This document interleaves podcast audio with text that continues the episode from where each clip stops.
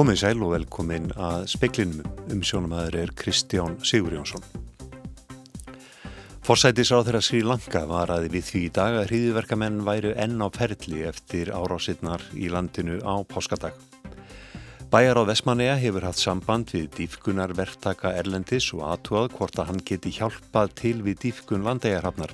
Ráðið segir óbóðlegt að núverandi verktæki hafi hvorki tækjakostni er metnað til að sinna verkinu.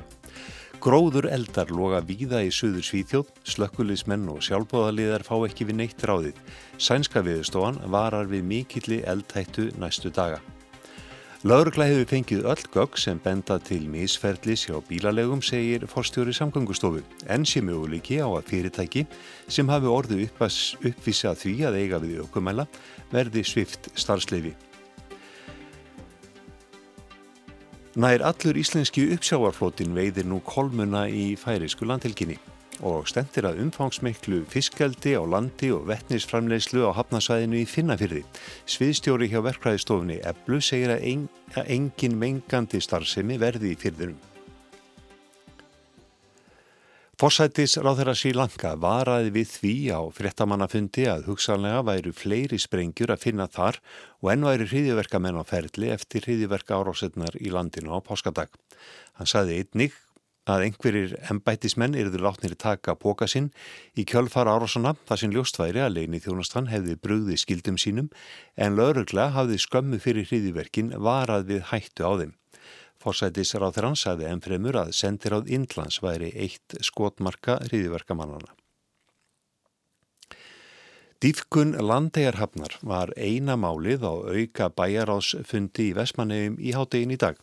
Dýfkunafyrirtæki Björgun vann ekkert í höfninu á páskadag og aðeins hluta gerðdagsins þótt vel viðræði. Þetta telur bæjaráðið að síni metnaðarleysi og síu vanemdir á samningi við vegagerðina. Þá er tækjakostur fyrirtækisins ekki nægilega öflugur, segir Íris Róberstóttir bæjastöri. Ráðið talaði á fundinum símleiðis við Bergþóru Þorkelstóttur, forstjóra vegagerðarinnar. Hún bara skildi mjög vel að við værum bara búin að fá nóg og ég bara ávona því að menn leiti allra leiða til þess að laga þetta ástand. En máli er það að þetta er ekki hægt. Það verður að leita annara leiða til að opna þessa höfn heldur en það sem við erum að gera núna. Þið eru að tala um að fá öflugri diffkunni skipað utan? Já, við viljum bara við að gera fara í það. Við teljum þetta fullri. Hvað getur Vestmanæja bæri eða þið Vestmanæjingar gert meira í málinu? Við erum búin að kanna og erum búin að hafa samband við aðila Erlendis og við höfum komið þeim upplýsingum til vegagerðarinnar að það eru aðilar sem geta tekið að sér svona verkefni, bæði aðilar sem hafa verið í Ísland og eru fyrirtæki sem reka tífkunarskip og við viljum bara vegagerðin kanni það, hvort að það sé ekki hægt að fá allavegna fleiri aðila að þessu, þetta gengur ekki eins og þetta núna. Saði Íris Róberstóttir í viðtal við Þórtísi Arljótsdóttur. Dómari veitti í Savia í dag viku frest til að svara kröfu bandaríska flugvila leigusalans ALC sem vill fá kýrsetta flugvél sína aðfenda og sakar í Savia um stjórnarskrárbrot. Airbus þóta, mertinn fallna flugfélagi Váér, stendur enn á keflægu flugvelli. ALC vil gerna fljúa vilni burt en fær ekki. Í Savia kýrsetti hana til tryggingar flugvallargjaldaskuldum Váér. Hagsmunir ALC eru miklir. Ný Airbus þóta kostar 15 miljardar króna, markvallt meira en 2 miljardar króna skuldir VÁ er. ALC neytar að borga skuld VÁ til að leysa vélun út og hefur krafist þess fyrir dómi að fá hana aðfenda. Lögmenn ALC telja kyrsetninguna ólöglega og að hún sé anstað eignaréttar ákvæði stjórnarskrár. Málið var tekið fyrir í hérastómi Reykjanes í dag og þar fekk Ísafja viku frest til að skila greinagerð. Nánar verður fjallaði málið í sjónvarsfréttum klukkan 7. Gróður eldar loga víða í söður hluta Svíþjóðar. Eldtætta verður mikil næstu daga í landstutanum að sögn sænsku viðstofunar.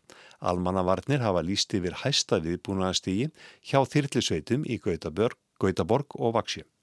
Fyrstu eldarnir komu upp austur af Gautaborg í gerð morgun.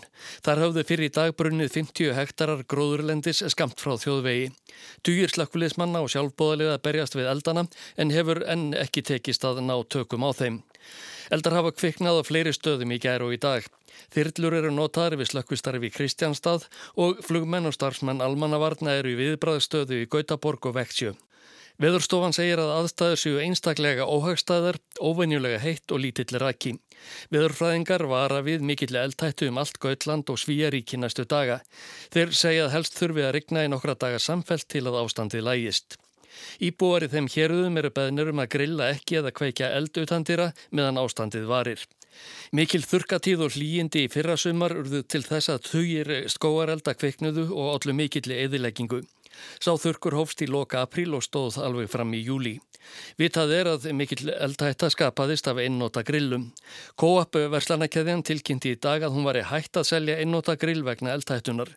Áður hafðu stjórnendur verslunarkæðjunar IKA tekið sömu ákvarðun. Ásker Tómasson sæði frá. Gróður eldar loga einni í Nóriði byrjaðir að rýma hús í Sogdal þar sem slökkulismenn fá ekki við neitt ráðið. Þá loga eldar á Rógalandi og vestur augðum. Forstjóri samgöngustofu segir enn möguleik á því að bílaleigur sem hafi orðið uppvísar að aukumælasvindli verði sviftar starfsleifi. Öll gögg sem bendi til slíks misferðlis hafi verið aðfend lauruglu. Kveikur fjallaði byrjun ársum prókar bílaleguna sem varð uppvís að því að hafa 8 km/stöðu í minst 100 bílum á 5 ára tímabili. Framkvæmdastjóri félags íslenskra bifræðeganda gaggríndu um helgina við bræðsleysi vegna málsins. Bílalegan starfi enn með starfsleifi frá sangöngustofu. Engin kæra hafi borist frá lauruglu vegna málsins og svo virðis sem ekki sé verið undibúa lögjöf til að spórna við brotum að þessu tægi. Þórólfur Árnason er forstjóri sangöngustofu. Þegar þessi mál komu upp og grunur leka á og jáfnveil hjáttningar lágu fyrir um misfelli þá er það sjálfsögur mjög alvarlegt mál, graf alvarlegt. Og við óskuðum eftir gögnum frá öllum 140 augtækjalegunum og höfum fengið þau og þau tilfelli þar sem er grunur um misfelli eða ég vil játað misfelli að þeim gögnum hefur komið til lauruglunar því það er sjálfsögur mjög ámælisvert og, og saknæmt aðtæfi og við höfum síðan farið yfir í það að sjá með hvaða hætti við getum haft þrengt rekstrarleifi eða jáfnvel tekið af í einstakar tilvíkum og höfum meðal annars átt fund með ákveðnum rekstrarraðilum og við gætum stjórntíslu laga, það er andmælaréttur hjá viðkomandi aðilum þannig að við förum rétt að og, og sko, eftir skýringum og eftir atvikum getur það endað með leifisvistingu. Saði Þórólfur Árnason. Nær allur íslenski uppsjáaflótin er nú meira á minna upptekinn við kolmunaveiðar í færisku landhelginni. Kolmunin er mikil búbót fyrir útgerðina eftir að loðnuvertiðin brást. Samkvæmt upplýsingu frá fiskistofu er búið að tilkynna lönduna rúmum 108.000 tónnum af kolmuna á þessari vertið. Ljóst er þó að talsvert meira er komið í land því landanir yfir páskana hafi ekki allar verið tilkynntar. Því er líklegt að íslensku skipin hafi veitt um 130.000 tonn og kvótin þar með hálnaður. Auk þess hafa nokkur erlendskip landað kolmuna hér síðustu vikur. Kolmunaviðin hófst á nýji byrjun mánadarins eftir að samninga náðust um veiðar Íslendinga í færiðsku lögsugunni. Veiðin lág niður í um tvær vikur þar á undan. Eftir því sem næst veru komist eru átta Íslensk skip nú að veiðum síðst í færiðsku lögsugunni og álíka fjöldi ímist við löndun eða á heimleið. Bergur Einarsson skipstjóru og hoffætti frá fáskursfyrði segir veiðin að glæðast eftir rólega byrjun. Kolmunin sé að ganga úr suðri inn fyrir færiðsku landhelgismörkin og þeir hafi frétt af loðningum sunnan við færiðsku línuna. Hann er því bjart sínum framaldið og segir öllum álið skipta að geta veitt kolmuna núna eftir að loðnuvertiðin brást. Undir það taka fleiri hjá uppsjáafyrirtækjunum þótt kolmunavertið jafnist aldrei á við heila loðnuvertið. Ágúst Ólásson sagði frá.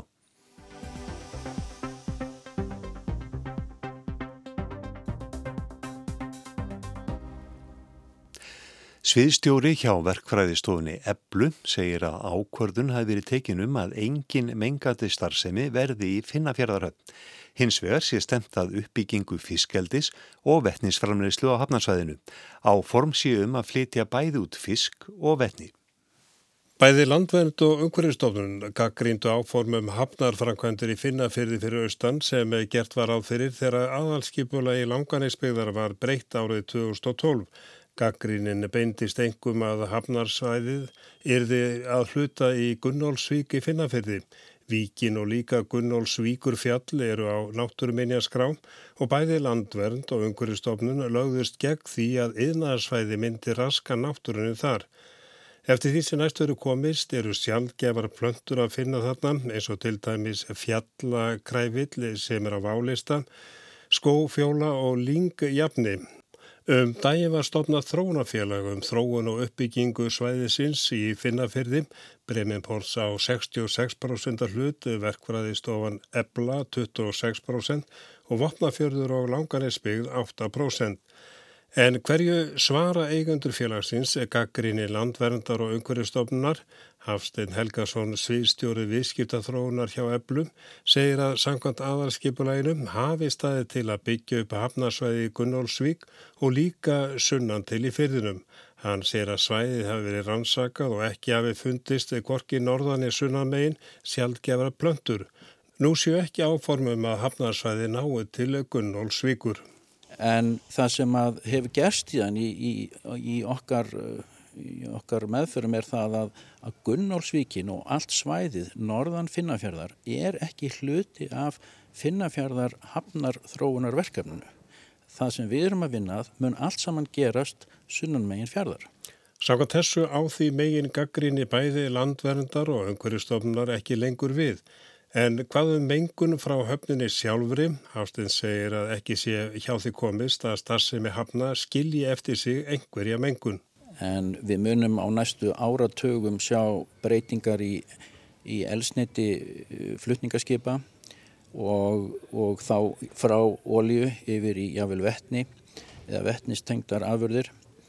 Og uh, það mun náttúrulega uh, uh, verða af einu góða það sem gerist upp á landi síðan það er, er, er aðalega sammála um það bæði við hjá Eblu og Bremenports og Sveitafélagin sem að þessu standa að við ætlum ekki að fá inn á þróunarsvæðið mikið mengandi starfsemi enga starfsemi í líkingu við það sem við sjáum á íslenskum stór yðjulóðum í dag.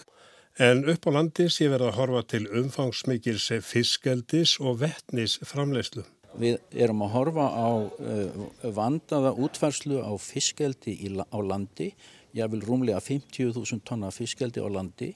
Við erum að horfa til þess að framleiða vettni uh, og með íslenskri hreitni raforku til þess að hafa súrefni við þá rafgreiningu fyrir fiskeldið og til þess að nota vettnið fyrir íslenskan fiskiskipaflota í framtíðinni og flutningaflota og jável til útflutnings vegna þess að það verður mjög mikil eftirspörn eftir vettni e, innan skams. Og það er líka verið að tala um að höfninni í Finnafyrði verði um skipunar höfnu þegar og ef skipalegin yfir norður kvelið opnast, Hafsteinni bendir á að það muni ekki gerast fyrir en eftir jafnvel einhverja áratugji. Og ekkert fyrir en að ísin e, sem nú þekur norðurslóður fer nánast að hverfa ef það gerist. Þannig að menn þurfa aðeins að átta sig á því að uppbyggingi á finnafjörðarsvæðinu, þessu suðlutasvæðisins, mun taka áratögi, 40 ár og ég vil engur og, og þess vegna verður þetta þakklátt uppbygging sem mun gerast í skrefum og starfsemi sem þarna er, er hapsækin starfsemi að hluta til eh, uppbygging á landi, meðhundlun á fiski, framleyslu á fiski, fóðri, framleyslu og umbúðum og þess að þetta er allt saman störf og verkefni sem fólk í dag er vant við að vinna á Íslandi. Uppbyggingin í Finnafyrði muni fyrstu beinast að fiskeldinum sem gæti orðið 56.000 tonna framleyslam og jafnframt að vettnisframleyslunni sem skilar frá sér hreinu súrefni sem er mikilvægt fyrir fiskin í keránum. Vöxtur fiskeldisins er því áfengum líklega 5.000 tonn í senn. Við teljum eins og staðan er í dag að það sé uh, líklegast að fiskeldi á landi muni byggjast upp í finnaferði uh, fyrst af öllu.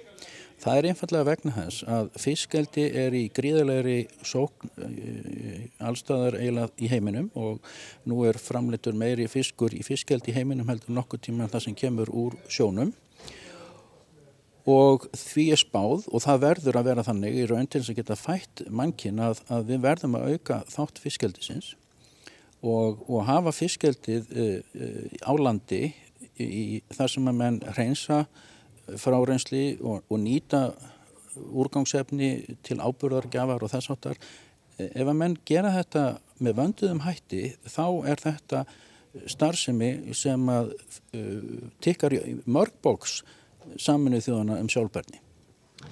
Þannig að, að uppbyggingin í finnafyrði, hún mun ekki að þínum mati eh, valda eh, raski á náttúruminnjum og að þessi gaggrinni frá 2012 að hún eigi ekki, eða aðtóðasendir eh, eigi ekki alveg við núna.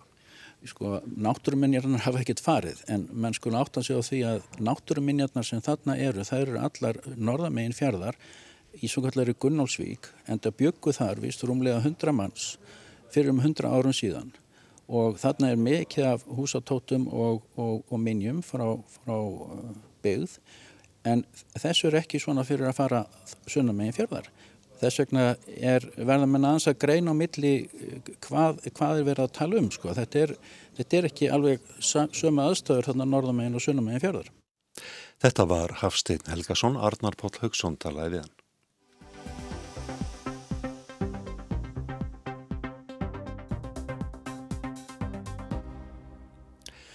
Morðið á bladakonni Líru Makí í óeirðum í Krekkan hverfinu í Derri á Norður Írlandi á skýrtak hefur verið fordæmt að bæði katholikum og mótmælendum þær í landi. Hið svo kallaða nýja IRA eða nýji írski líðveldisérinn hefur líst ódæðin og hendu sér en segir að það hefur verið mistök og byggðist afsökunar. Morðið hefur hins vegar beint sjónum að nýju að Norður Írlandi sem var um 30 ára skeið frá 1968 til 98 vettvangur hatramra átaka millir katholika og mótmælanda eða líðveldi sinna og samband sinna. Katholikar eða líðveldi sinnar vilja eitt saminað Írland en mótmælendur eða samband sinnar vilja Norður Írland verði áfram hluti stóra Breitlands.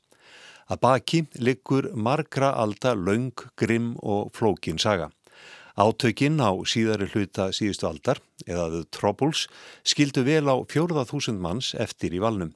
Friður var samin árið 1998 og hefur hann haldist að mestu, en ekki fer á millimála að friðurinn er viðkvæmur og undir kræmar Olga. Solveig Jónsdóttir, stjórnmálafræðingur og ríðtöfundur, hefur kynnt sér sögu Norður Írlands og átakana þar vel.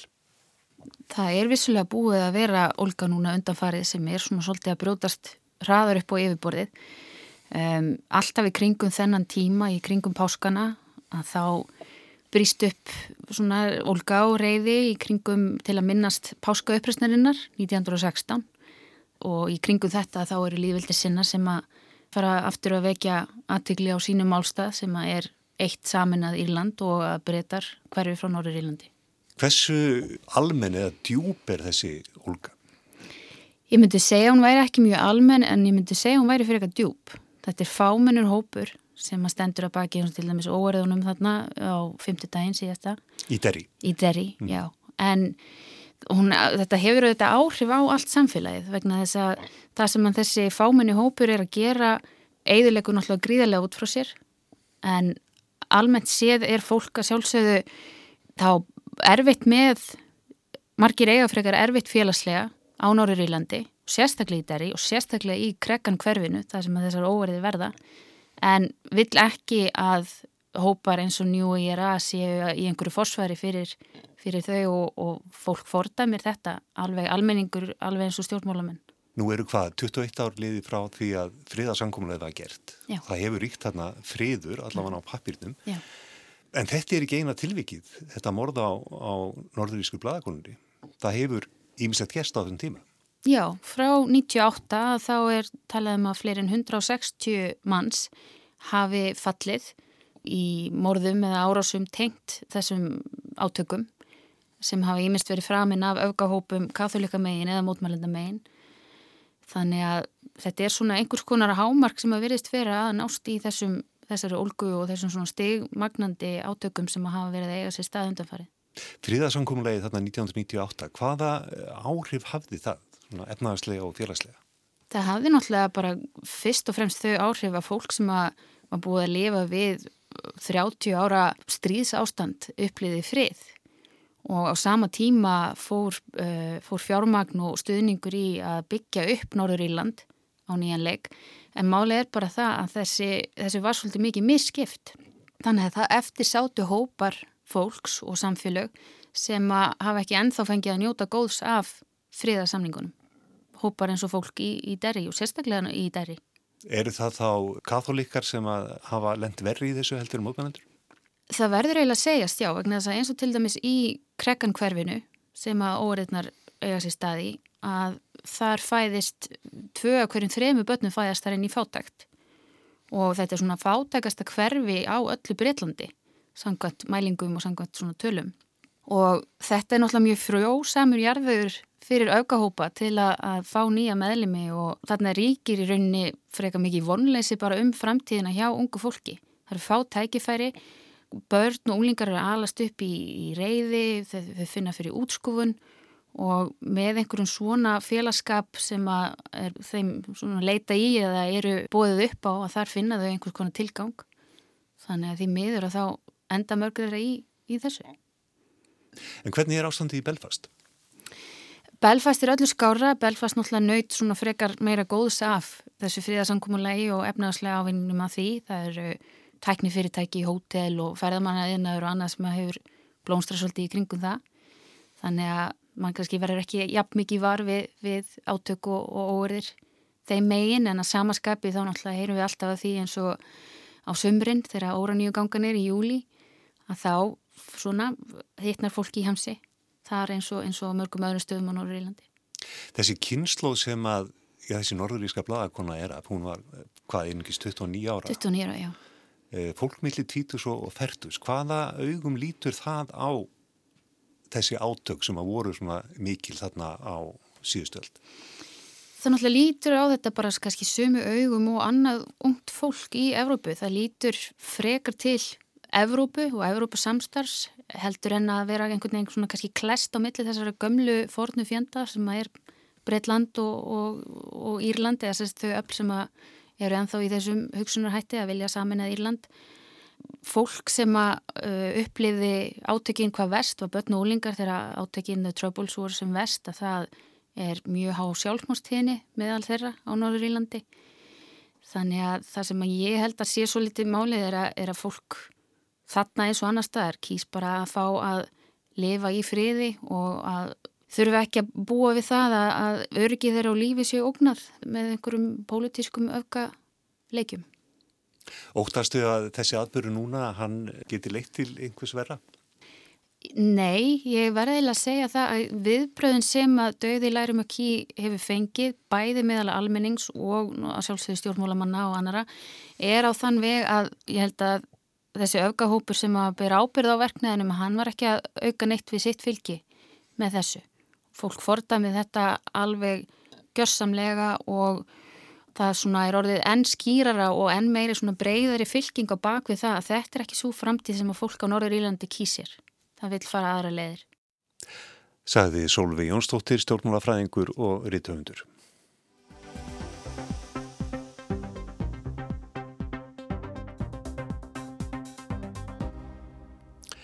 Það eru kostningar í vendum í Breitlandi og það er lítið fagnæðaretni fyrir stóru flokkarna tvo.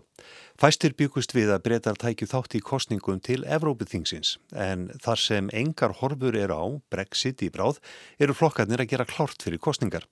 Skoðanakannir benda til að nýr Brexit flokkur Nigel Farage muni sópa til sín fylgi, engum frá íhjálpsflokknum en einnig frá verkamannaflokknum.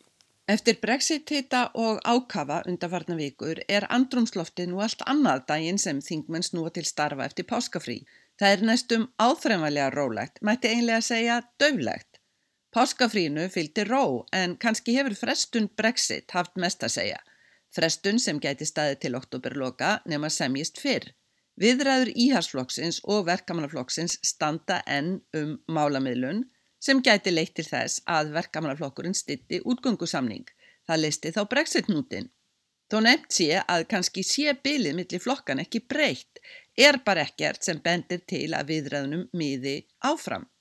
Páskafríið síður verið notað í að hugsa sig um frekar að menn hafi herst í afstöðsynni og Theresa May fórsætsráðara virðist enn óra fjariði að stýra brexit fleginu í höfn. Það er lítill kvati fyrir verkamannaflokkin að hjálpa íhalsflokknum að landa íhaldsútgáfu af brexit og ríkistjórn íhersflokksins var í verilögum innanflokksvanda ef hún kemi brexit í gegn með stuðningi verkamannaflokksins, nóan og samt. Mögulegur brexit frestur fram á næsta vetur hefur verið ólíja á eld og annaðra brexit sinna í íhalsflokknum.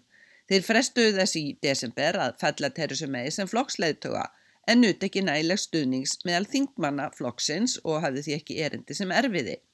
Óanæjan hefur þó heldur magnast en hitt. Vandi óanaðra brexit sinna er að ef leiðtógin stennst vantraust verður, samkvæmt flokksreglunum, að líða ár áður en næst er hægt að kjósa um vantraust. Í dag voru fréttur um að hópur hinn á óanæðu leiti leiða framhjöðusu til dæmis með breyttum flokksreglum en þar með þetta eins og brexit, þingmenn íhjálpsflokksins ósamála. Þarna kræmar því óanæja með mei sem að mati þessa hóps hefur algjörlega klúðrað útgöngunni Harlínuhópurinn er á því að fyrst mei tókst ekki að fá samþykki þingsins fyrir útgöngusamningi sínum við ESB, ætti hún að leiða breyta samningslöst úr ESB, einmitt það sem hún hefur hafnað að gera. Aðrir þingmenn í hérsflokksins benda á að nýr leiðtói sé ekki lausnin, vandin sé ekki mei, heldur sjálf útgangan sem öll þjóðin sé svo ósamála um. Það er lítið um nýjabrum í breskum stjórnmálum Nýr stjórnmálaflokkur hefur reyndar sprottið upp þó með gamlum leðtoga og gamal kunnu efni. Nigel Farage sem áður leiti UKIP-flokkin stopnaði nýjan Brexit-flokk fyrir páska. Hann vill ekki sjá UKIP sem nú stýrist af kynþóttafordumum, segir Farage. Málmálana í huga Farage er Brexit eins og kemur fram í nafni flokksins, heitir bara Brexit-flokkurinn. Þó stefnusgrá hafi ekki verið byrt, fylgjast frambjöðundur til liðsvegan. Þeirra á meðal er Annunciata, sýstir Jacob Rees-Mogg leðtoga Harlínu Brexit sinna í íhalsloknum. Farage hefur góðar ástæður til að vera gladbeittur.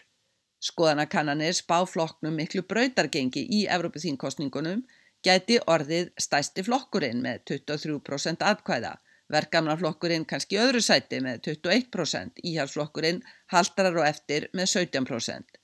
Þetta væri hræmuleg útreið fyrir íhalsflokkin títringur þar vegna nýja flokksins sem mun þó að nefa einni gera strandhögg í fylgi verkamannaflokksins. Kostningaþáttaka hefur alla jafna verið lág í þessum kostningum spurning hvort það breytist. Annar nýr flokkur mun einnig bjóða fram á hinum enda pólitíska rófsins. Í Change UK eru þingmenn sem sögðu sig úr íhalsflokknum og verkamannaflokknum og tóku höndum saman yfir miðjuna. Flokkurinn sem er ansnúin Brexit kynnti í dag frambjöðundu sína. Í hópnum er Rachel Johnson, sýstir Boris Johnson fyrir um utaríkisráþara sem er harður Brexit sinni auk þess að stefna leint og ljóst á leðtúasætið í íhjálpsflokknum. Það er annars lítið nýjabrum í sjálfri Brexit umræðinni en jórtrað á sömu Brexit málunum. Frestun gefur nú svigrum fyrir allt sem áður hefur verið rætt útgöngu eða enga útgöngu, þjóðratkvæðagreyslu, leðtúa skipti íhjálpsfloknum, frekari frestun. Allt kemur þetta upp aftur nú að baki páskum í belg og byðu, líkt og áður. Sem fyrr, Brexit óvissan er algjör. Það var Sigrun Davísdóttir sem að sagði frá. Það var helst í speklinum í í kvöld að forsættis ráð þeirra Sri Lanka varaði við því dag að hriðiverkamenn væru enn á ferli eftir árásinnar í landinu á páskadag. Bæjaráð Vesmanega hefur hatt samband við dýfkunarverktaka Erlendis og aðtóað hvort hann geti hjálpa til við dýfkun landegarhafnar. Ráðið segir óbóðlegt að núverandi verktaki hafi hvorki tækjakost nýja metnað til að sinna verkinu. Dómari veitti í Savija í dag viku frest til að svara kröfu bandariska flugvila leigusalans ALC sem vil fá kyrsetta flugvél sína aðfenda og sakar í Savija um stjórnarskrárbrott. Gróðureldar loga víða í söðu Svíþjótt, slökkulismenn og sjálfbóðaliðar fá ekki við neitt ráðið. Sænska viðstofan varar við mikilli eldhættu næstu daga. Og nær allur íslenski uppsjáafótin veiðir nú kolmuna í færisku landelginni. Viðstofan spáir austlæri 8-10 til 20 metrum á sekundi í kvöld, hvassast verður suðvestan og vestanlands. Víðarigning en úrkomi lítið á norður á og austurlandi. Austan 5 til 13 á morgun en 13 til 18 metra síðst á landinu. Ríkning með köplum en þurft norðaustan og austanlands. Híti verður á bilinu 8 til 16 stig hlýjast á norðausturlandi. Það er ekki fleira í speklinum. Tæknimaður var Ragnar Gunnarsson, verið sæl.